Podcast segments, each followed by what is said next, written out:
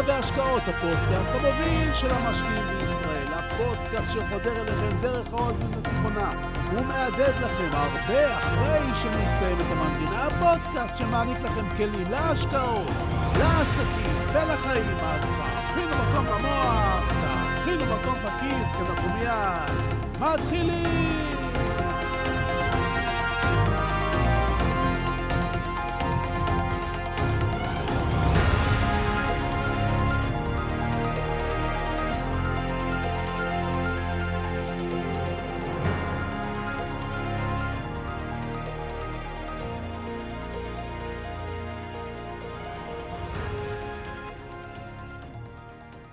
פיצוץ גדול מפר את השקט ברצועת עזה. מכונית שנוסעת באחד מהכבישים הראשיים של העיר מתחילה לבעור. יחד עם המוני האנשים שנוהרים למקום, זורמות גם ידיעות ראשונות על כך שמדובר בניסיון חיסול של בכיר בארגון הטרור. ולא סתם אחד, אחמד ג'עברי, ראש הזרוע הצבאית של החמאס. המבזקים המיוחדים קודעים את מהלך השידור, ושאלה אחת עומדת על הפרק. האם צה"ל השלים את משימתו וג'עברי אכן חוסל? באחד החמ"לים של אגף המודיעין נכנסים לפעולה ייחודית ומצליחים תוך זמן קצר להניח את ידיהם על תמונה שעלתה בפייסבוק ומאשרת את התוצאות של המבצע שכולם חיכו להם. מותו של הבכיר. את הציטוט הזה אני מביא מתוך אתר המודיעין של צה"ל, כתבה שכתב ינון שלום איתך. לא, לא, לא, לא, לא נקלעתם לעוד פרק של פאודה, אלא לפרק חדש של פודקאסט בורסה והשקעות. מה זה קשור לבורסה? חכו, חכו, אנחנו מיד ממשיכים! שלום וברוכים הבאים לפודקאסט בורסה והשקעות, הפודקאסט המוביל של המשקיעים בישראל. והיום נדבר על מודיעין, על מניות, על השקעות. אז פשוט תישארו קשובים, תהיו ממוקדים, תכינו מקום במוח, תכינו מקום בכיס, כי אנחנו מיד ממשיכים!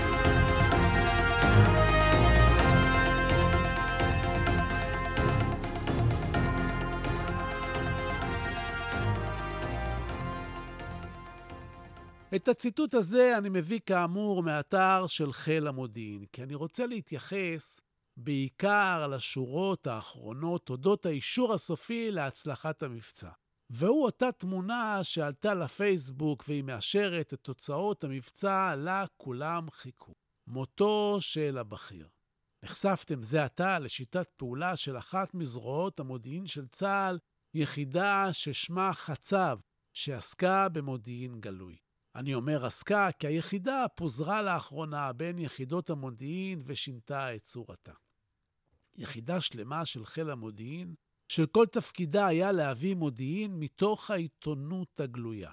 אמצעי התקשורת הגלויים, מתוך ספרים שפורסמו בעולם ובעידן הרשתות החברתיות, מכל המידע הרב שזורם ברשת.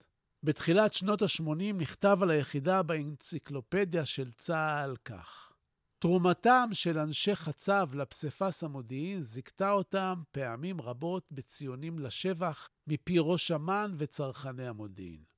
חצב מספקת יותר מ-80% של חומר הגלם למחלקת המחקר המאבדת את תמונת המודיעין, אולם תקציבה נמוך לאין שיעור מתקציבי סוכנויות האיסוף האחרות.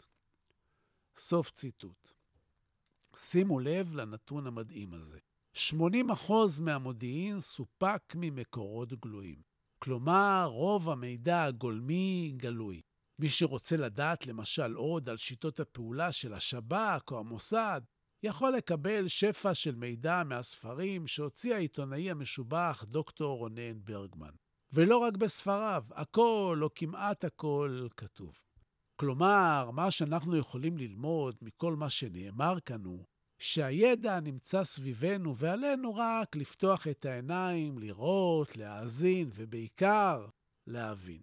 אם המידע שמסייע לכוחות הביון פרוס בפומבי, לא יהיה מפתיע להבין שגם רוב המידע הכלכלי החשוב שאנחנו זקוקים לו מפוזר סביבנו.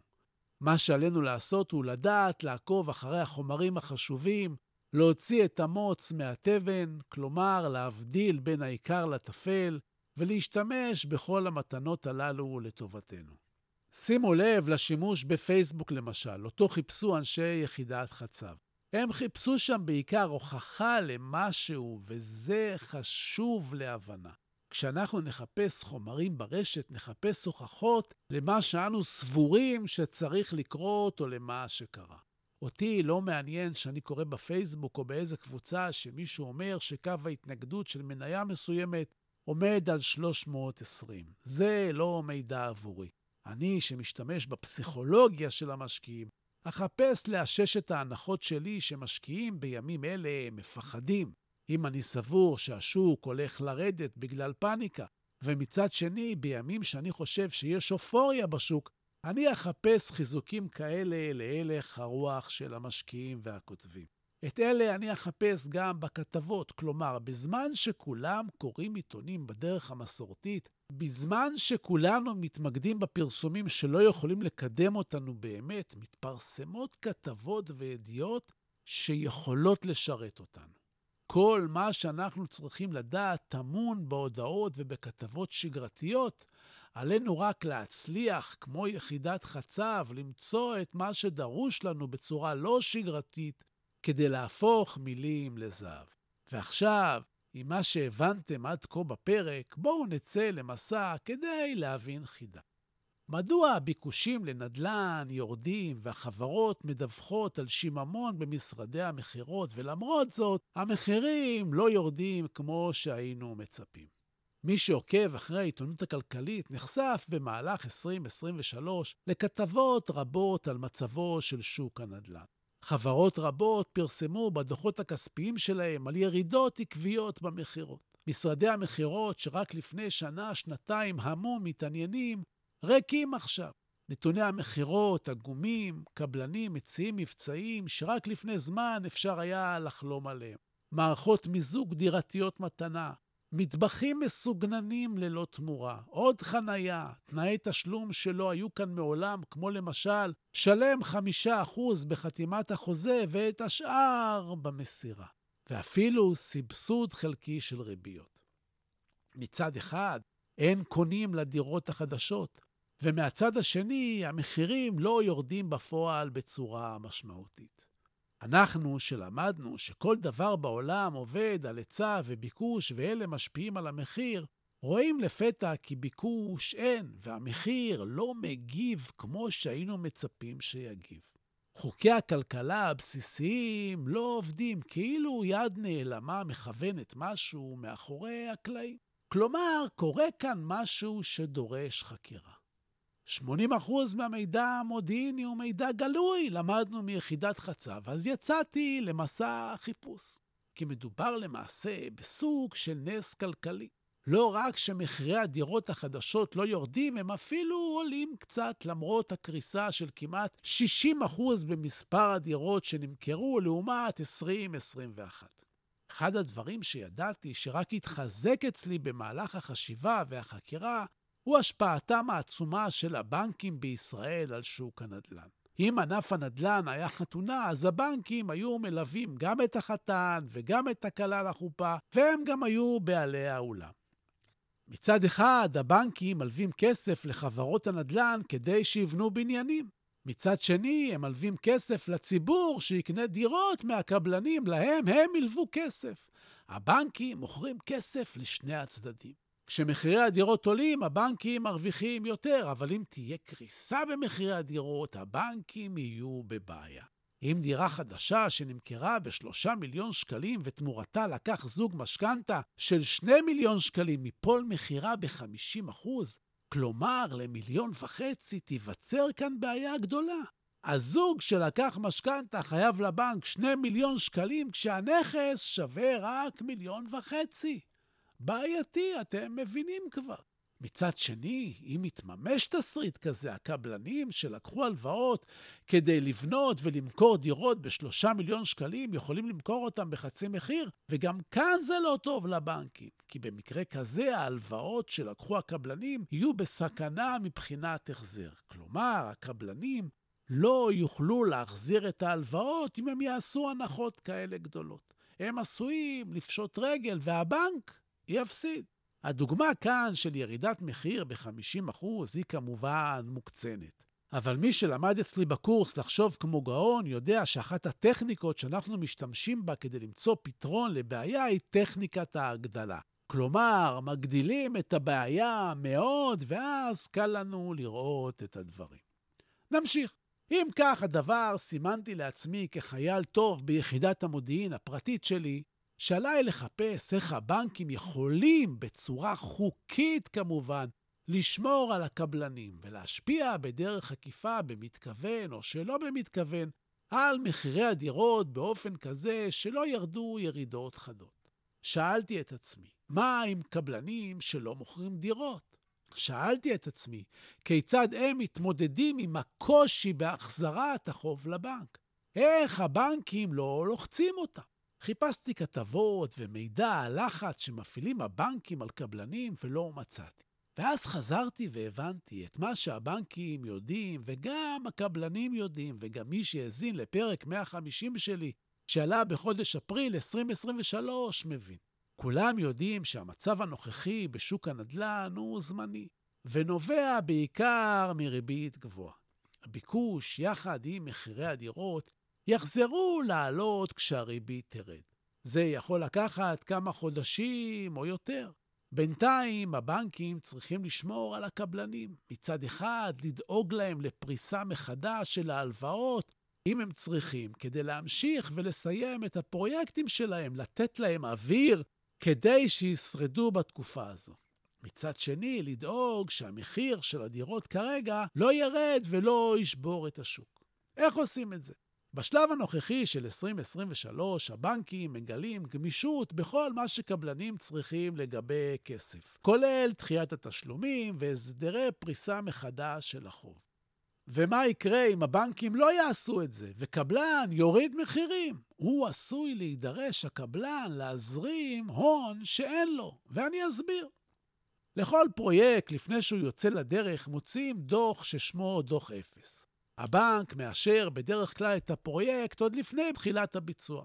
לצורך כך הוא מחייב את היזם, את הקבלן, לערוך דוח המוכיח את הכדאיות הכלכלית של הפרויקט. דוח זה הוא דוח אפס והוא נערך לפני תחילת ליווי הפרויקט ובהנחיית הבנק.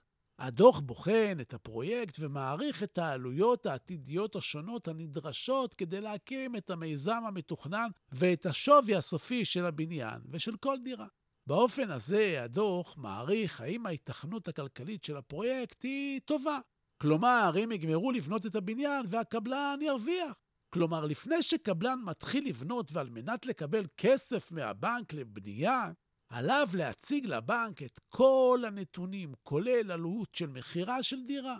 הקבלן צריך להראות כיצד הוא יחזיר את הכסף שלקח וגם ירוויח. הבנקים יודעים שאם העסק כלכלי, הם יראו את כספם בחזרה עם רווחים. ואם החישובים שגויים, הם יפלו ביחד עם הקבלן. והבנקים, הבנקים, תאמינו לי, לא פראיירים. קבלן שפושט רגל, מפסיד את הכסף שלו ואת הכסף של הבנק, והבנקים בישראל מאוד שמרנים. כלומר, אם בדוח האפס נקבע כי דירה תימכר במחיר של 3 מיליון שקלים, ויש לנו עשר דירות בבניין, וסך כל הפרויקט הוא 30 מיליון שקלים, וההסכם של הקבלן עם הבנק הוא שהבנק יממן 50 אחוז, אז הבנק ילווה לקבלן חצי מ-30 מיליון, כלומר 15 מיליון שקלים. אגב, הבנק תמיד שם את הכסף אחרון. כלומר, אם הקבלן צריך להזרים לחשבון הפרויקט 15 מיליון שקלים, והבנק 15 מיליון שקלים, הבנק יזרים את הכסף רק אחרי שהקבלן יבצע את חלקו בהסכם. עכשיו, אם הקבלן מחליט להוריד את המחיר ל-2 מיליון שקלים לדירה, כי הוא לא מוכר, שווי כל הפרויקט הופך להיות 20 מיליון שקלים. 10 דירות כפול 2 מיליון. אם הבנק מלווה 50% מהפרויקט, 50% הללו שווים עכשיו 10 מיליון. ולכן, אם הבנק נתן בתחילת הליווי 15 מיליון שקלים, על הקבלן להחזיר מיידית לבנק 5 מיליון שקלים כדי לעמוד בחוזה ביניהם, מימון של 50% מהפרויקט. לא קשה להבין שאם הקבלן במצוקה והוא רוצה להוריד מחיר של דירה כי אין לו אפשרות להזרים כסף לבנק, עכשיו הוא צריך לתת לבנק עוד חמישה מיליון שקלים וגם להרוויח הרבה פחות, וזה פשוט לא הגיוני. ולכן, מה שעליו לעשות זה לחכות עד יעבור זעם. כלומר, מחירי הדירות לא יכולים לרדת עשרות אחוזים, גם אם הקבלנים היו רוצים להוריד את המחיר על הדירות החדשות. ולכן, מה שברור לנו שהקיפאון הזה ימשיך עד שהמצב ישתנה, כלומר, עד שהריבית תתחיל לרדת, ואז, כשהביקוש הכבוש יפרוץ, הכל יחזור לעלות. המשימה הושלמה. הבנתי את הפרדוקס. בדירות יד שנייה המצב יותר מורכב. בעלי דירות יד שנייה שצריכים למכור את הדירות כדי לשלם עבור דירה חדשה נקלעו לבעיה. מי שרוצה למכור חייב להוריד מחירים. מי שאינו חייב למכור לא מבצע עסקה. אבל מי שחייב למכור כי קנה דירה אחרת, מנסה לחפש קונה במחיר שהיה נכון כאן לפני שנתיים ולא מוצא. הקונים מצידם אורבים להזדמנויות, ודווקא כאן, כשהבנקים לא מעורבים בעסקת המכירה, יכול להיות שנראה ירידת מחיר גדולה יותר מהדירות החדשות. אבל הבנקים שוב ירוויחו. ולמה? כי אם מוכר מכר דירה במחיר נמוך משחשב, הוא ייקח משכנתה גדולה יותר לדירה שקנה, והבנק ירוויח ריביות גדולות יותר. וזו הסיבה שאני אוהב להשקיע בבנקים בישראל. כל המידע הזה, חברים וחברות, נאסף ממקורות גלויים. כל העניין הוא לדעת לחשוב טוב ולהסתמך על עצמכם ולנצל את הזמן שלכם בצורה איכותית. אתם הבנתם את זה? ועכשיו, עכשיו לפינת הטיפים שלנו.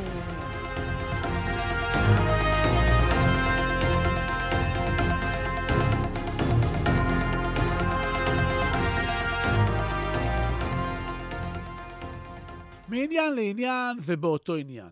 אם אתם רוצים שיחידת המודיעין שלכם תעבוד כמו שצריך, תעשו מנויים על עיתונים כלכליים בארץ ובחו"ל, שימו בצד דעות פוליטיות, שימו בצד אג'נדות של כתבים, חפשו רק מידע שלא קשור לדעות. מלבד העיתונות בארץ, אני ממליץ לכם על עיתונים בחו"ל כמו בארונ'ס, פייננשל טיימס, וושינגטון טיימס וכדומה. המידע הכי איכותי נמצא במרחק שני צעדים מכם. הצעד הראשון שלכם צריך להיות פיתוח יכולת החשיבה שלכם וניתוח ולמידה של שיטות חשיבה. הצעד השני הוא השגה של מקורות מידע. זו הדרך להתקדמות אם אתם רוצים להשיג יותר ממה שהשגתם עד כה. אז זהו לנו להיום. חשוב לי לומר שהפודקאסט שלי מדבר בלשון זכר, אבל זה רק מטעמי נוחות. הוא פונה לנשים וגברים כאחד. אני מזמין אתכם ללמוד איתי באחד הקורסים שלי ולהיות גרסה משופרת של עצמכם. אני מזמין אתכם ללמוד איתי באחד הקורסים ולהיות גרסה משופרת של עצמכם. אני מזמין אתכם לעמוד האינסטגרם שלי, סודות, כף תחתון, בורסה באנגלית. אני מזמין אתכם לאתר שלי. סודות.co.il, ובסיום אני שב ומציין, כן, ומה שאני אומר, המלצה מקצועית או ייעוץ מקצועי, את אלה תמיד כדאי לקבל מיועץ מוסמך עם רישיון ליאל, אני רק משתף אתכם במה שאני חושב. תודה. תודה על התגובות החמות, תודה, תודה על השיתופים, תמשיכו ותפיצו, וככה אנחנו גדלים ביחד. תודה להילה ברגמן, שעורכת, מהירה ומפיקה את הפודקאסט. אני מבקש סמנו שאהבתם. תשלחו את הפודקאסט לעוד כמה חברים. כן, אני רוצה עוד מאזינים לפודקאסט. תעשו השתדלות, תפיצו. תודה רבה שהאזנתם. תהיו טובים, תעזרו למישהו שצריך, תעשו משהו טוב לעצמכם. תשמרו על האחדות בעם, תימנעו משיחות. תלמדו משהו חדש, שיהיו לכם בשורות טובות, כל הישועות, בריאות טובה, הלוואי שתתעשרו בהקדם. אני הייתי צביקה ברגמן, ואנחנו, אנחנו ניפגש בקרוב!